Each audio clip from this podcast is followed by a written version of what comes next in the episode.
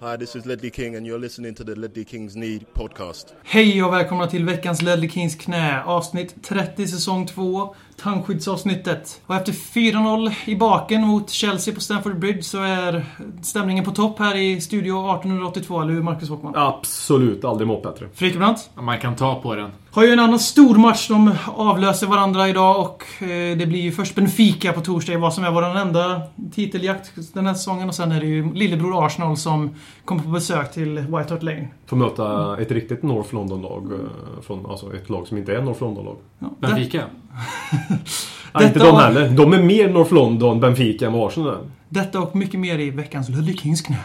Dags att hämta hem det ännu en gång För jo, du vet ju hur det slutar varje gång vinden vänder om. Det spelar väl ingen roll, håller du finger långt Alla de minne får, de är ett minne blått Det här är ingen blå grej som rent spontant blir omtalat på något omslag som Heidi Montage Eller Spencer Pratt, är nog den endaste svenska MC'n som har en känsla för rap Så hey! släng upp en hand om du känner vad som sägs. Är nu en podcast coming your way. Så ge mig femman mannen och bara tryck på du känner vad som sägs Är nu en podcast coming your way Så ge mig femman mannen och bara tryck på play Hey!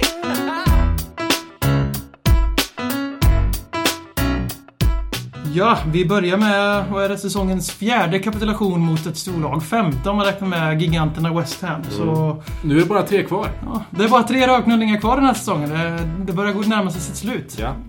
Någon som har en analys på Chelsea 4, Tottenham 0. Det är ju svår att analysera tycker jag. Alltså första halvlek är vi med i matchen tycker jag. Och är- Trots Sherwoods laguttagning. Ja, alltså det, om man, man, klart, visst, vi ska väl börja där någonstans och ställa oss frågande till eh, vissa positioner på vissa spelare i laget. Att Lennon hade någon nummer 10-roll.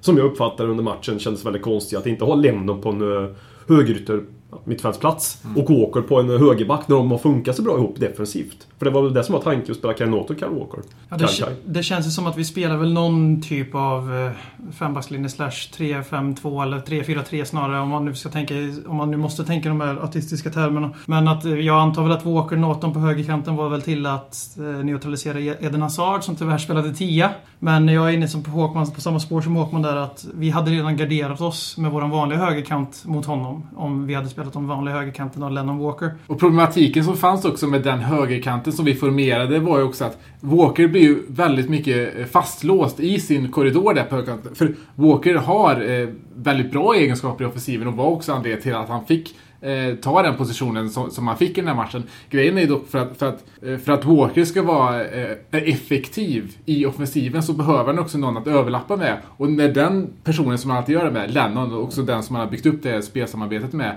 inte fanns där så fanns det inte heller någon att, eh, att göra med överlappningar med. För, för Norton går ju aldrig över mittlinjen och det ska han heller inte göra. Och det, han gjorde det ju bra ändå. Men det som var grejen med Walker var att han var hela tiden fastlåst i sin korridor och kom aldrig riktigt in i, i banan eller heller i matchen. Jag menar, vi, vi såg ett antal gånger när han bara liksom kör rakt ner mot, mot, mot sidlinjen som egentligen är en, en, en patenterad Aaron Lennon-lösning. Bra sagt. Så är det ju med Walker. Han behöver ju liksom startsträckan från egen startområde, strafflinje, för att komma liksom in i spelet på rätt sätt. Nu får ju han spela på en position han aldrig har spelat i förut. Kanske en halvlek i någon Uefa Cup-match fick han väl hoppa in, har jag för mig.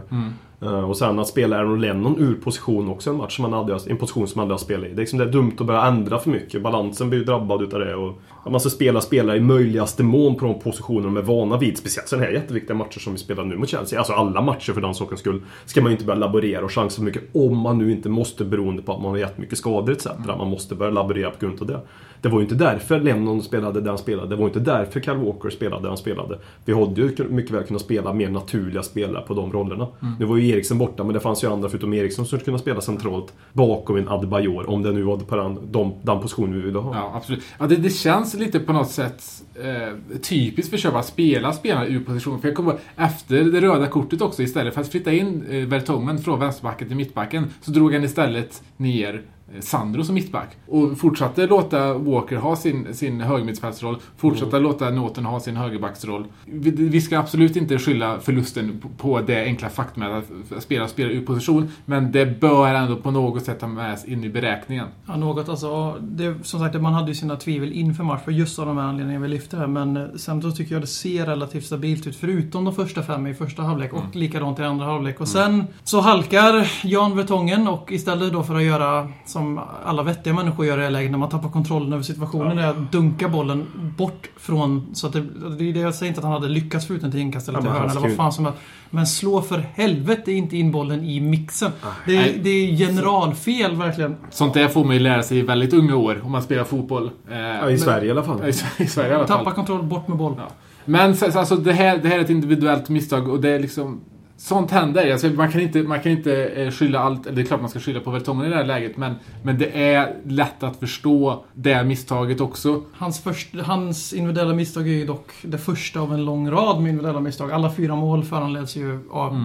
patetiska Spurs-misstag. Vi har Vertongen och Sandro som halkar. Vi har Kyle Walkers helt... Ja, Kyle Walker- Kyle Walkers Liverpools pass från förra året. Ja, Liv- med huvudet då. ja, Liverpool-passet i fjol framstod ju som ett jävla Zidane-pass i jämförelse Ja, det var ju ett Zidane-pass också.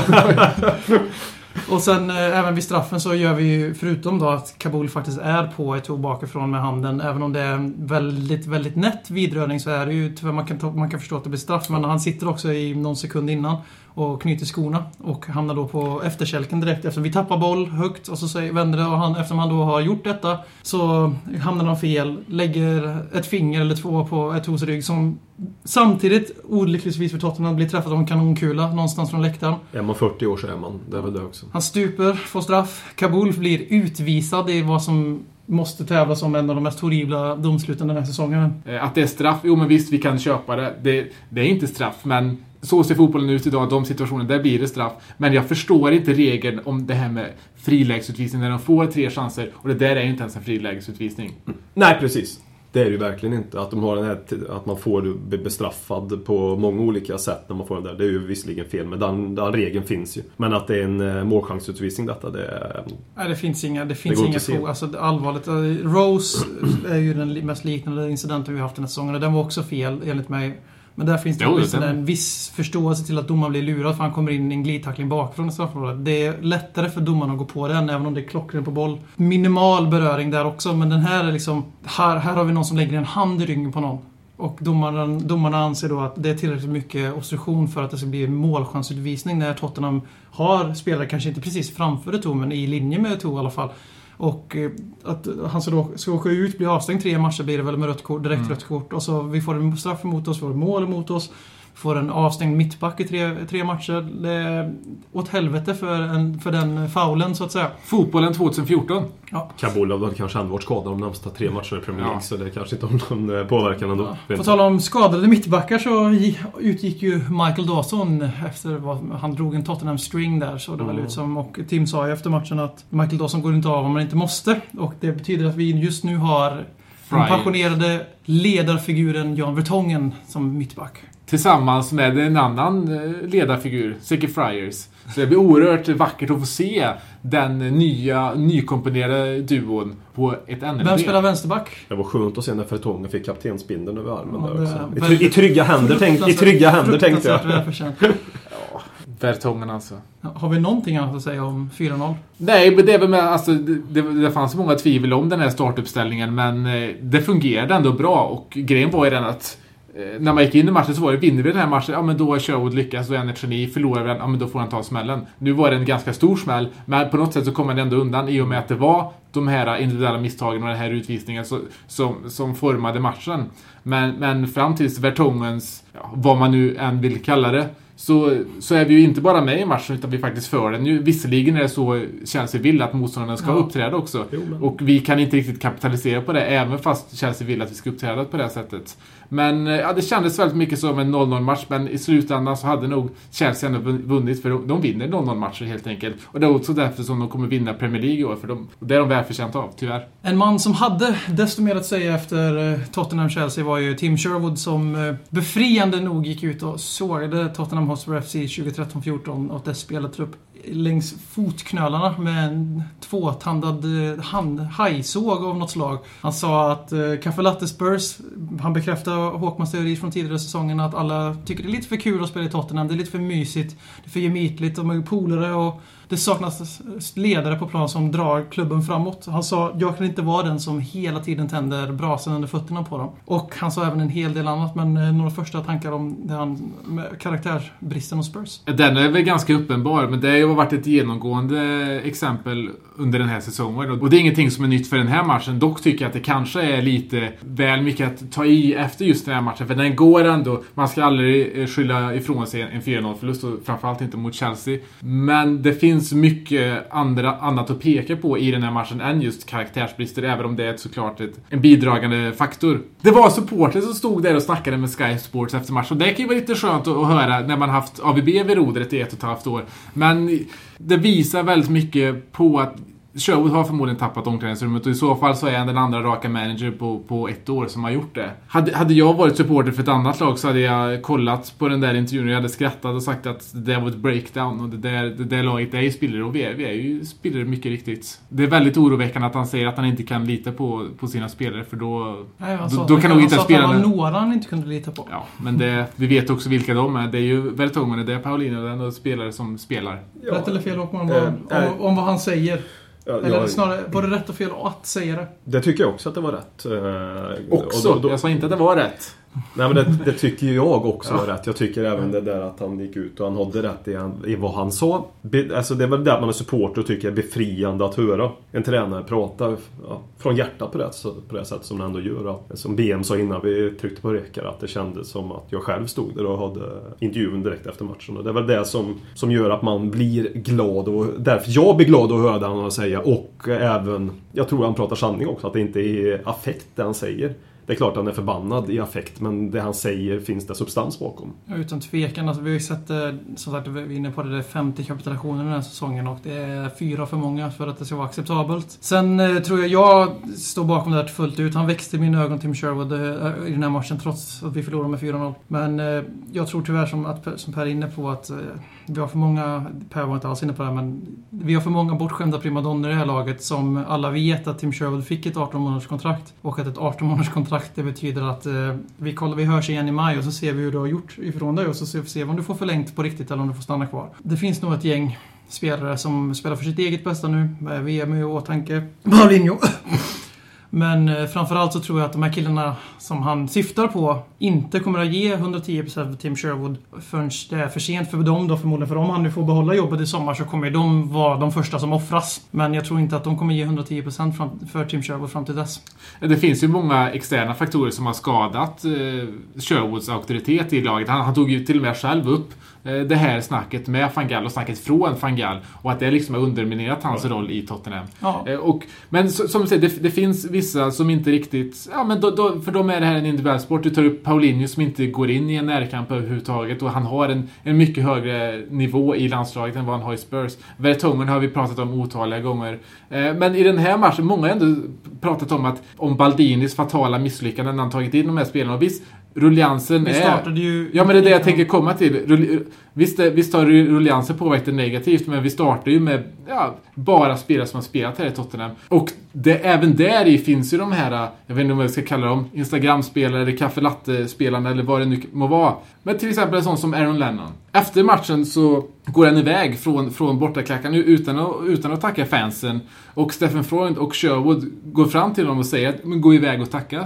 Gå iväg och tacka fansen. Sherwood stod ju och pekade mot bortafansen. Ja, och Freund till och med liksom tar tag i honom och går bort dit. Så Aaron Lennon bara knuffar bort Freund och bara nej, nej. Och så bara går han rakt ner i Det tunneln. är en kille som gör sitt tionde år i Spurs nästa år va? Precis. Och, och, och en kille som vi har liksom väntat på ska blomma ut till en världsspelare. Men nu är- när han egentligen ska vara i sin peak så är han ganska långt ifrån den peaken. Och, Eller så är han sin peak. ja, och i så fall är det väldigt oroande för hans karriär. Eller inte peak, men det kanske är Aaron Lennon-nivån. Liksom. Ja, det tror det- jag ja, men att det det är. är- Sen det kan Aaron Lennon spela bättre än vad han gjort de senaste månaderna. Jag tror mycket att han dras, pre- precis som i fallet med Dembélé, så tror jag att det, även Aaron Lennon dras med sin lilla Tottenham-string som, som hämmar honom. För han har inte riktigt samma pace i sitt spel längre. Som han hade för två år sedan. Han För- lever ju på den. Ja. Det är ju det som gör Aaron Lennon till en eh, bra yttermittfältare. Det är ju hans eh, snabbhet. Ingenting annat direkt. Han är förutom hemjobbet. Ja, ja, ja naturligtvis. naturligtvis. Åter, som du var inne på det med att eh, Tim själv har uttalat sig om van Gaal då framförallt som är en av dessa eh, hyenor som har uttalat sig om Tottenham-jobbet. Men han har också får man väl ändå säga att före matchen så sa han att eh, emot sig själv då från januari när han sa att han var nöjd med truppen att han hade sagt nej till Daniel Levy att värva nya spelare i januari. Vilket jag respekterade då och fortfarande gör för vi behövde inte ha mer ruljans då och mer instabilitet. Men inför matchen mot Chelsea så, så uttalade han sig i termer om att eh, som bara går att tolka på ett sätt. Det här är inte hans trupp. De spelar inte så som han vill och det finns vissa spelare han vill få bort och han vill sa mer eller mindre att han hoppas få chansen i nästkommande fönster att värva till sig sina killar till Tottenham. Vilket bekräftar en gång för alla att han är en caretaker. Bentaleb kanske har en bror. Men sen också efter matchen så sa han att uh, han skulle aldrig acceptera att bli nummer två för att han har för mycket åsikter. Och det respekterar, får man ju respektera. Absolut. Men att han kunde, skulle kunna tänka sig att ta technical director-jobbet som är Franco Baldinis just och då, nu. Och då underminerar han Franco Baldini kan man och säga. Och även så undrar man ju sig, vill han alltså gå från manager till att vara till att vara, för, vad ska man säga, vad ska man säga klubbdirektör för att ge det ett, sportchef. en, sportchef en svensk term där. Och eh, därmed blir den som bestämmer vem som är manager. Varför då inte bara stanna kvar som manager och ersätta och ta bort den här kontinentala uppsättningen vi har nu? Sherwood i det här fallet verkar inte direkt leva som han lär. Om man, om man dels klagar på hur van Gaal beter sig och sen så underminerar van Gaals... genom karriären att vara en som underminerar. Faktiskt, det har ju ja. varit med ända sedan han spelade i Blackburn nu när jag läste på lite om det. Och så Campbell också. Riktat viss kritik gällande det. Men sen är också, nu är, nu är Bloomfield på väg tillbaka från QPR. Eh, som, som lämnades för ungefär, ungefär ett år sedan. Och, och är ju en, en alltså, man kalla det? Alltså chefscout. en chefscout, ja. ja. precis. Det här är ju en kille som eh, fick till oss eh, Modric, Bale, och så vidare. Och som också tipsade Rednap om... Ja, och också tipsade Suarez. Rednap om, om Suarez. Som Rednap i sin tur sa nej till. För Rednap har ju väldigt bra... Han tyckte inte han var tillräckligt bra för att spela anfallare i Premier League. Det jag vill komma till är så, det här är en, Bloomfield är en sån, sån kille som, som tar över, inte titeln i sig från, från Franco Baldini, men han tar ju definitivt ifrån dem vissa typer av arbetsuppgifter. I så fall så ställer, kan man ju då ställa sig frågan vad då Franco Baldini har i Spurs att göra om man inte har de här arbetsuppgifterna som är att hitta spelare som var ganska tydligt hans, hans uppdrag den här sommaren. Eh, och I så fall har vi den, spel, eller den, den, den rollen i Boomfield och då kan ju också det öppna upp för en Sherwood som, som sportchef. Jag, jag tycker väl att man ska kunna ha både en headcoach, en chefscout och en eh, sportchef. Jag tycker inte de här tre rollerna ska gå in i varandra utan sportchefen ska värva de spelarna som blir... De ska få sina scouts ska rekommendera spelare, sen ska de givetvis utnyttja sitt egna kontaktnät och värva de här spelarna. Sen om de är duktiga på att spotta talang, då är det klart att de ska använda den talangen också. Men jag tycker att en chefscout ska leta upp guldkornen. Eh, Sportchefen ska värva dem och tränaren ska använda dem. Och då ska tränaren givetvis vara med på hela processen. Jag förstår inte varför alla klubbar i hela Europa, förutom i Premier League och så i Tottenhams fall då, inte kan hantera att ha tre personer som gör tre personers jobb. Varför det liksom varför ska det vara så otydligt med rollfördelningen? Ja, och skulle vi ha Bloomfield, Baldini och Livi så är det nästan en drömtrio skulle jag vilja säga. Men det är väl en kultur just att det inte jo, funkar i England lika väl som men det funkar vi, i Italien. Vi måste, ju, vi måste ju anpassa oss till att Livi vill ha den här uppsättningen och då måste han ju anställa människor som kan hantera den här uppsättningen. Det ska inte vara svårare än så. Just nu anser jag väl att det är just i denna nu så är det Tim Sherwood som inte passar in i den. Mm. Jo men alltså sen är det så, alltså, jag tror inte att det behövs någon typ av struktur för att nå framgång. Det som ligger till grund för framgång är att det finns kontinuitet i den strukturen man än må ha. Nu har vi bytt strukturen ja, tre, fyra gånger de senaste fem åren. Liksom. Och det, då får man ju ingen framgång. Men eh, ska vi, hur ska vi tolka alla de här raderna med uttalanden? För personligen så tycker jag att jag ser en, en man som eh, förbereder sig för livet efter tränarposten. Faktiskt, alltså om man lägger ihop de här tre bitarna så han har mer eller mindre bekräftat att han har tappat omklädningsrummet. Att han, han kanske aldrig haft det, om man säger så. Och att han är en caretaker som han nu helt plötsligt säger att han inte fick värva om han ville i januari. Eller det kan ju också varit lösryckt. Alltså man, jag var inte där när de här citaten kom fram. Det är väldigt konstigt att han säger så, för i januari så sa han ju själv ja, att han precis, inte ville värva några. Det, det, det känns lite som antingen damage control eller att han själv anser att han, att han börjar se nu att han kommer inte vara kvar i maj. Jag tror nog på det. Det sista är att han ser att han inte kommer vara kvar i maj och då försöker han förklara varför det går som det går ut till alla klubbar ute i England. Att eh, det beror kanske inte så mycket bara på min, eh, mig som manager utan beror på andra orsaker som att spelet och spelarna inte riktigt har den karaktären. Att jag inte riktigt har fått dem och de spelarna till att kunna ha mina spelare som spelar. Likaväl som man i januari kanske sände signaler till spelartruppen och sa att jag är nöjd med er. Ja, det är Ni är mina alltså, grabbar, jag tror på er, jag behöver ingen hit. Att han trodde att det kanske skulle lyfta dem då. Om man nu ska se ett... Nu försöker jag se det ur Temchevos ögon. Kanske inte Jo men nödvändigtvis det, mina men det är ju så. Det är ju lite så liksom att man måste ju anpassa sig efter verkligheten. Man måste ju lyfta. Man kan inte alltid säga vad man tycker utan man måste Nej. tänka så. Men Det kanske inte fanns någon. De kanske försökte få spela under januarifönstret. Men de kanske inte riktigt fick dem de ville. Och då istället för att säga att vi misslyckades att få den spelaren så säger man istället att vi vill inte ha någon. Ja, nu vet jag inte om det är så. Men det, skulle, det, skulle det varit så, eller det, det var så, så var ju det ett bra sätt att agera på. Eh, Jag tror definitivt vi kommer få se någon typ av omstrukturering i de Igen. högre, högre leden. Men det är en omstrukturering som bara kommer hålla i 18 månader. Men man kan i alla fall... Ja. Ja, men problem, problemet sitter ju högst upp. Ja men det, det går Alltså- inte att se på något annat sätt längre. Det, det största, det är, liksom, det är ju roten till... Det är han som sätter linjerna hela tiden. Det är ju ingen annan som sätter linjerna. Det är ju Livet som sätter linjerna. Kanske i samråd med Lewis. Men jag, nu vet jag inte hur mycket makt han får av Lewis. Men jag antar att det är väldigt stor makt till att forma sportsliga ledningen. Och han, som jag sagt tidigare, vi har pratat om Livet mycket, att han gör mycket saker bra. Men den sportsliga ledningen, strukturen i en klubb, vad jag ska göra. Alltså problemet är ju inte att han inte sätter dem. Han sätter ju de här ledningarna, men han, Han det, han hoppar fram och tillbaka. Nej men det, han hoppar ju fram och tillbaka. En sak som jag, som jag har sagt tidigare, att ha sportchef och byta ut sportchefer men ändå tro på sportchefgrejen. Och hitta rätt sportchef. Han, han vill vara med och kladda för mycket. Han kan inte ta steget tillbaka. Det är nyckeln till problemet. Att han måste lära sig att gå ett steg tillbaka och för att klara av att gå ett steg tillbaka då måste jag ändra personlighet. Jag tror aldrig han kommer kunna ändra den. Han är, han är på ett visst sätt som människa och han kommer inte kunna ändra sig och vara på det sättet. Då får han ju träffa psykologer i sådana fall då, för att kunna släppa kontroll. För han är väl en kontrollfreak och det är väl därför han har lyckats komma upp så i näringslivet att han eh, har kontroll på allting. Och det, han jobbar ju som det är ett företag. Så vi också ett sista kort citat här som ni får bara säga om det är rätt eller fel. Eh, Tim Sherwood sa också under den här Sky Sports-intervjun då att där de fick en frågan om topp 4. Och då sa han att det, bland annat, han, jag tror att han sa i just den postgame så sa han att, eh, att chanserna var små. Och alltså han sen i presskonferensen efteråt utvecklade och sa att klubben mer eller mindre lurar sig själv. Att de tror på topp 4 fortfarande och vi har gått på för många minor. Rätt eller fel? Vi behöver inte analysera det för mycket. Rätt eller fel? Ja, det är väldigt mycket rednap över den kommentaren tycker jag. Visst har han rätt i sig. Vi, vi är inte en, en, en kandidat... Eller kandidat är vi till topp 4. Jo, det är vi ju. Men... Så därför är det väl i sig fel att säga en sån grej. Ja, Alltså, det han säger är ju sant. Men bara för att det han säger är sant betyder ju inte att det är rätt att säga att.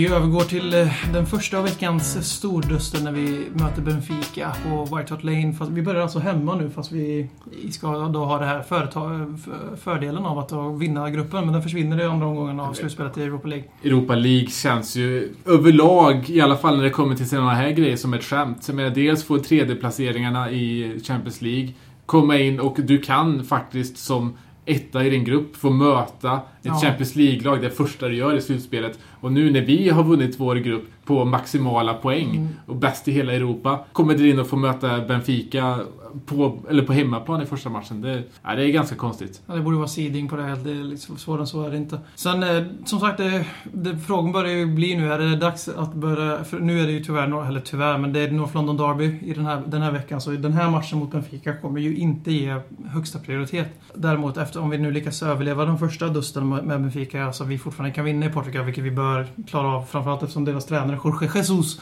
sa att det här är deras eh, andra prioritet. Och det får man väl eh, respektera. Även om man tycker att som eh, Benfica-manager så borde man ju kanske vilja vinna de här turneringarna eftersom det är den enda Europaturneringen som något lag förutom någon från de stora ligorna kan vinna är ju Europa League. Du kommer ju aldrig se ett portugisiskt lag vinna Champions League igen. På väldigt länge i alla fall. Det säger ju en del om Europa League, men vad gör vi? Visst är det nu, är det inte dags nu att börja tänka Europa League vinna istället för att, vad ska vi göra? Försvara femteplatsen i Premier League? Ja, men nu är det också så att fyra av de kanske tuffaste laget i turneringen möts Ja. också. Vi har Porto som möter eh, eh, Napoli. Napoli. Ja, precis. Juventus, Fiorentina, Sevilla. Betis. Så det, det kommer absolut att eh, sållas bort några ganska klara favoriter i den här turneringen. Och kan vi avancera in till kvartsfinal så har vi en, en väldigt bra chans att gå hela vägen till Turin. Och jag tror också att det är väldigt viktigt efter en sån här match att, att faktiskt studsa tillbaka eh, på samma sätt som var tanken efter första City-debaclet. Då vi i och för sig också till Tromsö och ja, inte direkt spelade ut laget som nu är klart för norska division 2. Men ändå, en sån som Adebayor kommer ju få vila för han har spelat oerhört mycket nu och det finns en, en ganska hög nivå av fatig i, i, hans, ja, i hans spelstil överlag just nu, så där är ganska given där. Jag tror vi kommer mönstra ett ganska starkt lag faktiskt. Jag tror Det kräver inte... att vi mönstrar ett ganska starkt lag. Ja, och jag, jag tror inte att eh, det kommer ges allt för stor hänsyn till eh, Arsenal-matchen faktiskt, även om det är en, en, en väldigt tuff match och att han kommer få ta väldigt mycket kritik om det är så att vi på söndag har spelare med trötta ben. Men eh, det här är en viktig match i oerhört många avseenden och, och eh, Nej, jag tror vi kommer få se ett starkt lag. Jag, kommer få se, jag tror vi kommer få se en ja, bra match, är väl för mycket att säga. Men Europa League-matcher är i alla fall roligt att titta på. På White Hart Lane. Vinn, vinn, vinn, vinn, vinn. Vi är 9 poäng, 10 poäng med målskillnad om Liverpool och Arsenal vinner sina hängmatcher. Så Champions League kommer inte hända. Det, vinn den här jävla turneringen så kan vi sen börja se ner på den för när vi faktiskt har förtjänat att se ner på den. Ja, det är som du säger. Vi, vi har ingenting att vinna i ligan längre och det här är enda sättet för oss att faktiskt minnas den här säsongen med någonting positivt i åtanke också. Eh, så det, det, det finns inget där. Det är, det är femmans växel för resten av vägen nu i Europa League. Oavsett vilka matcher vi har på helgen efterkommande. Det är bättre att vinna nästa år visserligen. Ja, då, Ja. för nästa år får man vara med i Champions League. Du Men vinner ju inte två år i rad. At- Atletico Madrid säger nog inte, håller nog inte med där. Man Ja. vinner inte ofta två år i rad. Så jag menar, bättre att spara den här Uefa Cup-vinsten till eh, kommande säsong. När den betyder en eh, Champions League-plats också. I alla fall, efter Benfica så är det stor match på gång. De, eh, de där röda, rödvita klädda spelarna från den där delen av London som de hävdar eh, var norra London från början. I detta som kallas North London Derby när vi tar emot Arsenal på White Hart Lane. Och eh, ja, en till kapitulation och eh, vad ska vi göra då? Vad händer då? Lynchar vi någon då? Eller tänder vi eld på White Hart Lane? Eller gör vi kravaller alla Vancouver i Stanley Cup-finalen för några år sedan? Vi gör väl ingenting. Jag tror inte att det kommer bli någon kapitulation heller. Varför ska vi ens tänka i de banorna? Det är ju väldigt positivt tänkande. Men det är väl, det är väl ändå symptomatiskt för en Tottenham-supporter i, i de här dagarna kan jag tänka mig. Eh, jag, vet, jag, jag tror att vi kommer få se, visst är det hemmaplan, men det, det är klart att vi kommer... Eh, vi, vi möter ju ett lag eh, som också vill ha mycket boll, även fast de är på bortaplan. Och då är det just kontringar som gäller för oss. Precis som i matchen mot Chelsea. Dock det som var grejen med matchen mot Chelsea, för det var ju väldigt uppenbart att det var kontringar vi satsade på. För att de som fick spela var antingen passningsskickliga eller kontringsstarka. Det som var problemet var att Jan Vertonghen Eh, var den som var överlappningsalternativet när vi kom in på den sista ja, fjärdedelen av offensiva planhalvan. Eller av, av planen så att säga. Eh, och då funkade inte kontringsspelet överhuvudtaget. Jag vet inte riktigt hur det ser ut med Danny Rose nu, men är han tillbaka så kan ett sånt spel fungera faktiskt mot Arsenal. Men nej, vi har inte så mycket att hämta i den här matchen faktiskt. Äh, våran backlinje kommer förmodligen vara frågetecken, Friars, Betongen. Om inte nu Kapuls röda kort blir upphävt. Ja, det- ja, det Eller blir- ansökt om det i alla fall. Så. Det blev ju faktiskt eh, upphävt, eh, så Kabul kan faktiskt spela, men vi vet ju alla hur det brukar se ut med Kabul och han kommer ju inte spela av andra skäl än avstängningen, för avstängningen blev ju inte av, men skadan som han förmodligen har dragit på sig ändå är väl fortfarande kvar, kan vi tänka.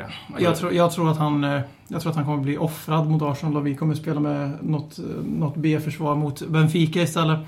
Och kan vi sen se Kabul, Vertongen.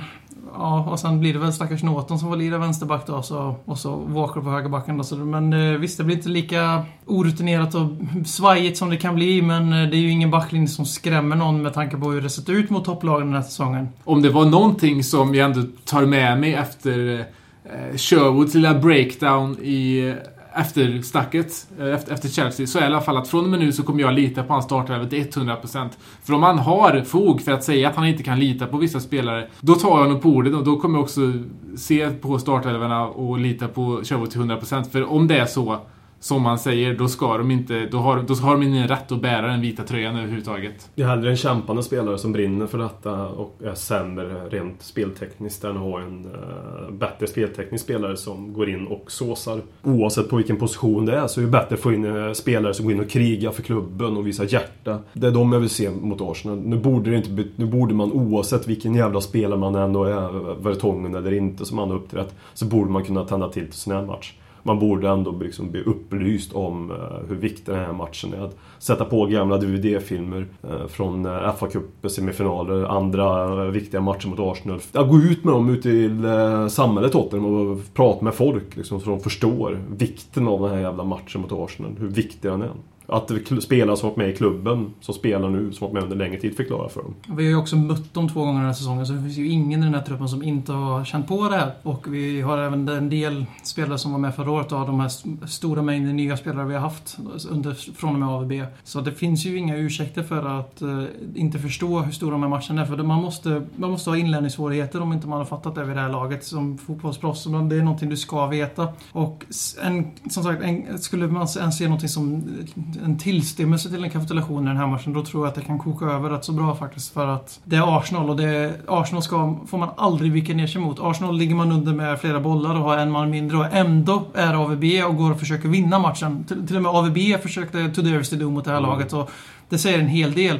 Det, jag vet inte riktigt jag kan, jag kan, inte riktigt uttrycka mig i ord över hur förbannad man, jag kommer bli om vi får se samma loja, bortskämda primadonnor vi har sett de senaste stora Men det kommer vi inte få se. Det är som säger, det är Arsenal. Vi kommer inte, det kommer inte vara en faktor, lojheten. Det kommer vara in och döda. Jag tror det. Kan man inte vinna kan man skada. Ett gammalt begrepp som man körde med när man spelade i... I Deje. Men vi har inte Michael Dawson på plan den här matchen. Nej, men en Kyle Walker kanske kan ta över den rollen. Det känns som man kan ha det i sig i alla fall. Så men eh, Arsenals form har ju varit den under, ja, Så svag som man varit nu har inte varit under hela säsongen. Bortsett från senaste match mot Everton och de såg väldigt bra ut igen. Tyvärr då, från våra ögon sett. Men eh, så, nu ska de till München och spela under veckan som är och kan kanske åka på en eh, tung förlust som sänker deras självförtroende igen. Och Wilshire är skadad eh, och borta och det är, det är en spelare som jag tror är viktig. Även Ramsey va? Ja, han är mm. borta länge. Ja, men jag tror även en viktig spelare för, för Arsenal, just om vi pratar ur derby-synpunkt. För Wilshire... Mm. Vi hatar ju Wilshire av en anledning, för att han hatar oss. Men det, det är ju också viktigt att ha de spelarna i, i de här matcherna så att säga. På samma sätt som det är väldigt svårt att säga om vilket lag Tottenham kommer att ställa upp med och varför också det är väldigt svårt att tippa startelver. Det sa vi i förra avsnittet kunde vara en, en bra egenskap i Sherwood. Mm. När man inte riktigt vet rent taktiskt hur man ska ställa sig mot Tottenham. På samma sätt så är man vet inte riktigt vad det är för Arsenal som kommer komma till start. Eh, inte i starthuven utan hur vi får se dem spela och agera överlag. En faktor till som väger in är att eh, Arsenal spelar på tisdagskvällen och vi spelar på torsdagskvällen. Så det kommer ju vara 48 timmars skillnad i uppladdning. Så det... Jo, men samtidigt. Vi har hemmamatch, de har bortamatch, de har Bayern München och vi har ett Benfica som ställer upp med ett lite, lite av ett B-lag. Så jag, jag tror att det kommer slå jämnt ut ändå. Man kan kapa ett dygn uh, på dem i alla fall. Det, men det, det kommer vara ursäkten i alla fall från uh, Tottenhams håll om det blir förlust. Att uh, ah, men vi spelar Europa League och vi förlorar alltid efter vi har spelat Europa League. Bounce och. Jag hoppas, i alla fall att vi får se, jag hoppas i alla fall att vi får se lite bättre drag på läktaren än vad vi fick se förra Premier League-matchen. Och det är väl ändå ganska övertygad om. Det kan jag eh, säga vi ska att inte Robin låta... Bromsfield kommer vi... garantera detta. Ja, ja jo. ja. Vi ska i alla fall inte låta Arsenal-supportrarna vinna på läktaren i alla fall, som Cardiff gjorde i senaste matchen. Nej, det är verkligen inte. Någon, någonstans ska vi väl ändå vinna. Jag, jag, tror vi kan eh, vinna på söndag också. Jag är, jag är inte hoppfull på När något Marcus sätt. Håkman är den mest optimistiska Spurs-supportern vid ett bord, då vet man att tiden har förändrats. Och att det kommer gå åt helvete. Nej men alltså jag, jag, är inte, jag, är inte, jag sitter ju inte här hoppfull men vinner vi med 2-1 så är det absolut ingen skräll i mina ögon. Nej. Vi har eh, bra statistik mot Arsenal hemma de sista åren. Eh, Arsenal som jag sa senaste tiden har inte varit speciellt bra. Förutom Everton som de var väldigt fina i. Då. Och den man ska se upp mest för Arsenal det är ju liksom nu när Walcott inte är med så har de ju Walcotts Wannabe ute på högerkanten. XL, eh, Chamberlain där som kommer vara giftig. De, de är bra när de har med djupledsspelarna mot oss.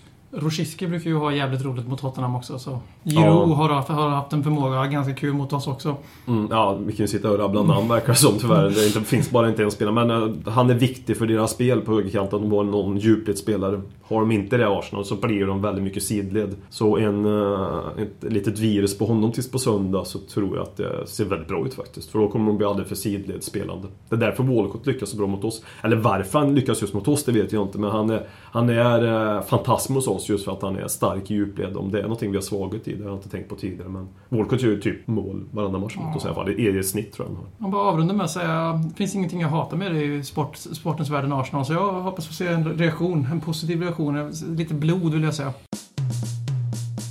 Talkman show, Talkman show, Talkman, Talkman, Talkman show.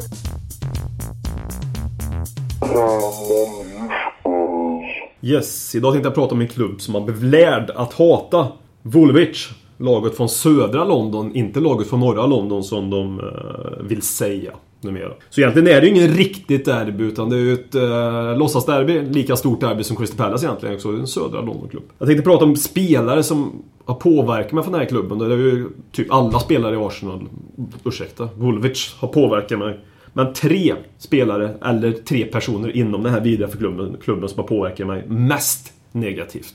Eh, på, om man ska dra någon form utav eh, 1, 2, 3. Alltså på tredje plats har jag Jack Wilshere. Man kan ju ändå tycka att Jack Wilshere har rätt. Han är ju en uh, Arsenal-kille i grunden. Och visst, det kan man väl ändå tycka. Men det är också en person som har pratat jävligt illa om Tottenham. Och också sägs ha spottat på en eh, taxichaufför för att han var Tottenham-supporter. Eh, jag utgår ifrån att detta är sant eftersom Jack Wilshere är en jävla idiot. Så han kommer på en tredje plats. Andra plats kommer Wenger. Och då kan väl många tycka att Wenger har gjort jävligt mycket för fotbollen med sin jävla tiki-taka-fotboll hit och dit. Och visst, han förändrade ju engelsk fotboll på 90-talet. Och bara för att det var en förändring betyder inte att det var bra, men det behöver vi naturligtvis roligt se på. Men det som stör mig med Wenger, som har stört mig på i alla år, det är hans... Eh, jag har aldrig varit med om en tränare som är så blind till, för det egna laget. Alltså han ser ingenting som eh, Arsenal-spelarna gör, förlåt, Wolvers-spelarna gör. Utan det, det ser han inte. Men fort de blir drabbade, då har han bästa synen. Då har han pilotsyn helt plötsligt och kan se saker eh, från 200 meters håll. Och upp, uppskattar, upp, uppfattar situationen väldigt väl helt plötsligt. På första plats, det är väl den enklaste placeringen att ha. Det är väl det vidra jävla Judas. Det finns ju ingenting att säga om det jävla äcklet. Ett svin som eh, är fostrad av Tottenham, blev kapten i Tottenham. Var Tottenham. Ett jävligt dåligt Tottenham så var han Tottenham. Han och Darren Anderton var det som var bra i Tottenham och Ginolara förstås. Eh, så beslöt han sig för att gå som bossman. Han lovade också, minns jag, under den eh, våren att han absolut inte, om han nu mot all förmodan skulle gå som bossman. För han sa ju också tidigare skede att han skulle skriva på ett nytt kontrakt med Tottenham. Då skulle han absolut inte gå till Arsenal, förlåt, Woolwich. Men mycket riktigt så gick han dit, det lilla jävla svinet. Eh, och eh, för det ska han ju alltid hatas och vi ska ju aldrig förlåta det jävla äcklet, med all rätt. Han förtjänar ju alltid vara... Egentligen borde han ju strykas ifrån all form av Tottenham-historik. Om man så riktigt ärlig så tycker jag man borde gå in i historieböcker och bara ta bort honom. Han har inte existerat. Vem är eh, denna jävla fitta? Woolwich, spelaren eh, Saul Campbell. Stryka bort den, icke-existerande. Sen vill jag bara ta upp en bubblare som jag stod upp med på. Och det var ju inte så mycket för att han kanske... Det var bara för att han var bra helt enkelt på Tottenham i tidigt 90-tal. Som var den första spelaren som förstörde mina jävla Tottenham-matcher. Det var Ian Wright. Som nu i efterhand har hört en del radiokanaler verkar vara ganska sympatisk tyvärr och verkar tycka om en till viss del. Men det... Ja, vi vill bara nämna att han är också ett svin naturligtvis. Tack! Talkman show, Talkman show, Talkman, Talkman, Talkman show.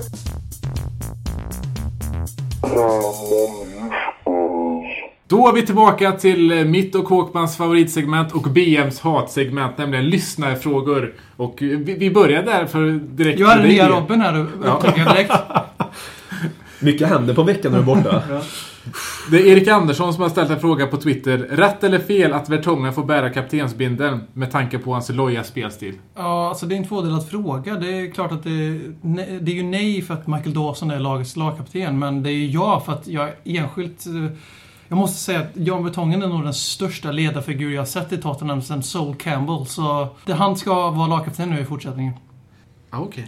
Ja, men finns, fanns det någon annan på plan som hade kunnat vara kapten i det här läget? Lennon? Nabil Bentaleb. Och då ser vi också varför BM hatar det här segmentet när han använder det för att sprida sin lilla ironi. Och med ironi så vänder vi oss över till Marcus Håkman. Det är Niklas Björn som har ställt en fråga. Han frågar Spurs har verkligen inte fått resultaten med sig i London-derbyn mot West Ham, Arsenal och Chelsea. Slump eller något mentalt? Det är alltså London-derbyn och uh, tabeller som bara blev ut, utifrån hur London-matcherna slutar brukar vi ligga ett eller två på. Uh, vi har ju varit väldigt bra tidigare år i modern tid i London-derbyn.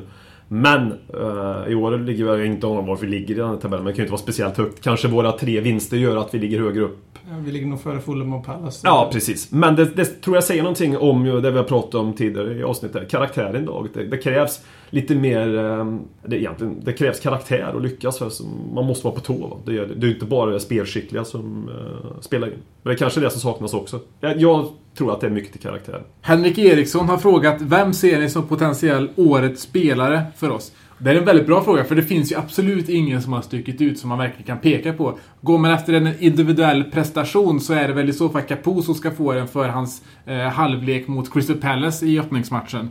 Men om man går efter en spelare som, om han hade spelat under hela säsongen så hade vi inte legat där vi, hade, där vi ligger. Vi kanske hade legat där, men vi hade, vi hade i alla fall inte haft samma pessimism och skepsis över den här säsongen som vi har nu. Och den spelaren är Adebayor. Folk kan argumentera för att han har spelat för lite för att få en, en sån utmärkelse, men eh, Nej, han är ju helt klart den spelaren som har varit bäst för oss i år och också stått för de bästa prestationerna som laget kan luta sig mot.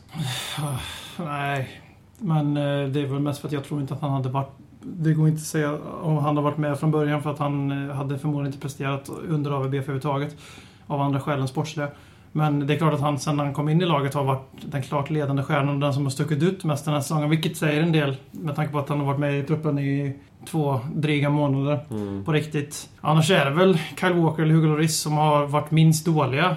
Längst. Alltså det är många som har varit väldigt mediokra. Det är varken bra eller dåligt liksom. Men det är väl Lloris och Kyle Walker som har varit minst... De har inte stuckit ut på något sätt men de har hållit en ganska hög nivå, typ.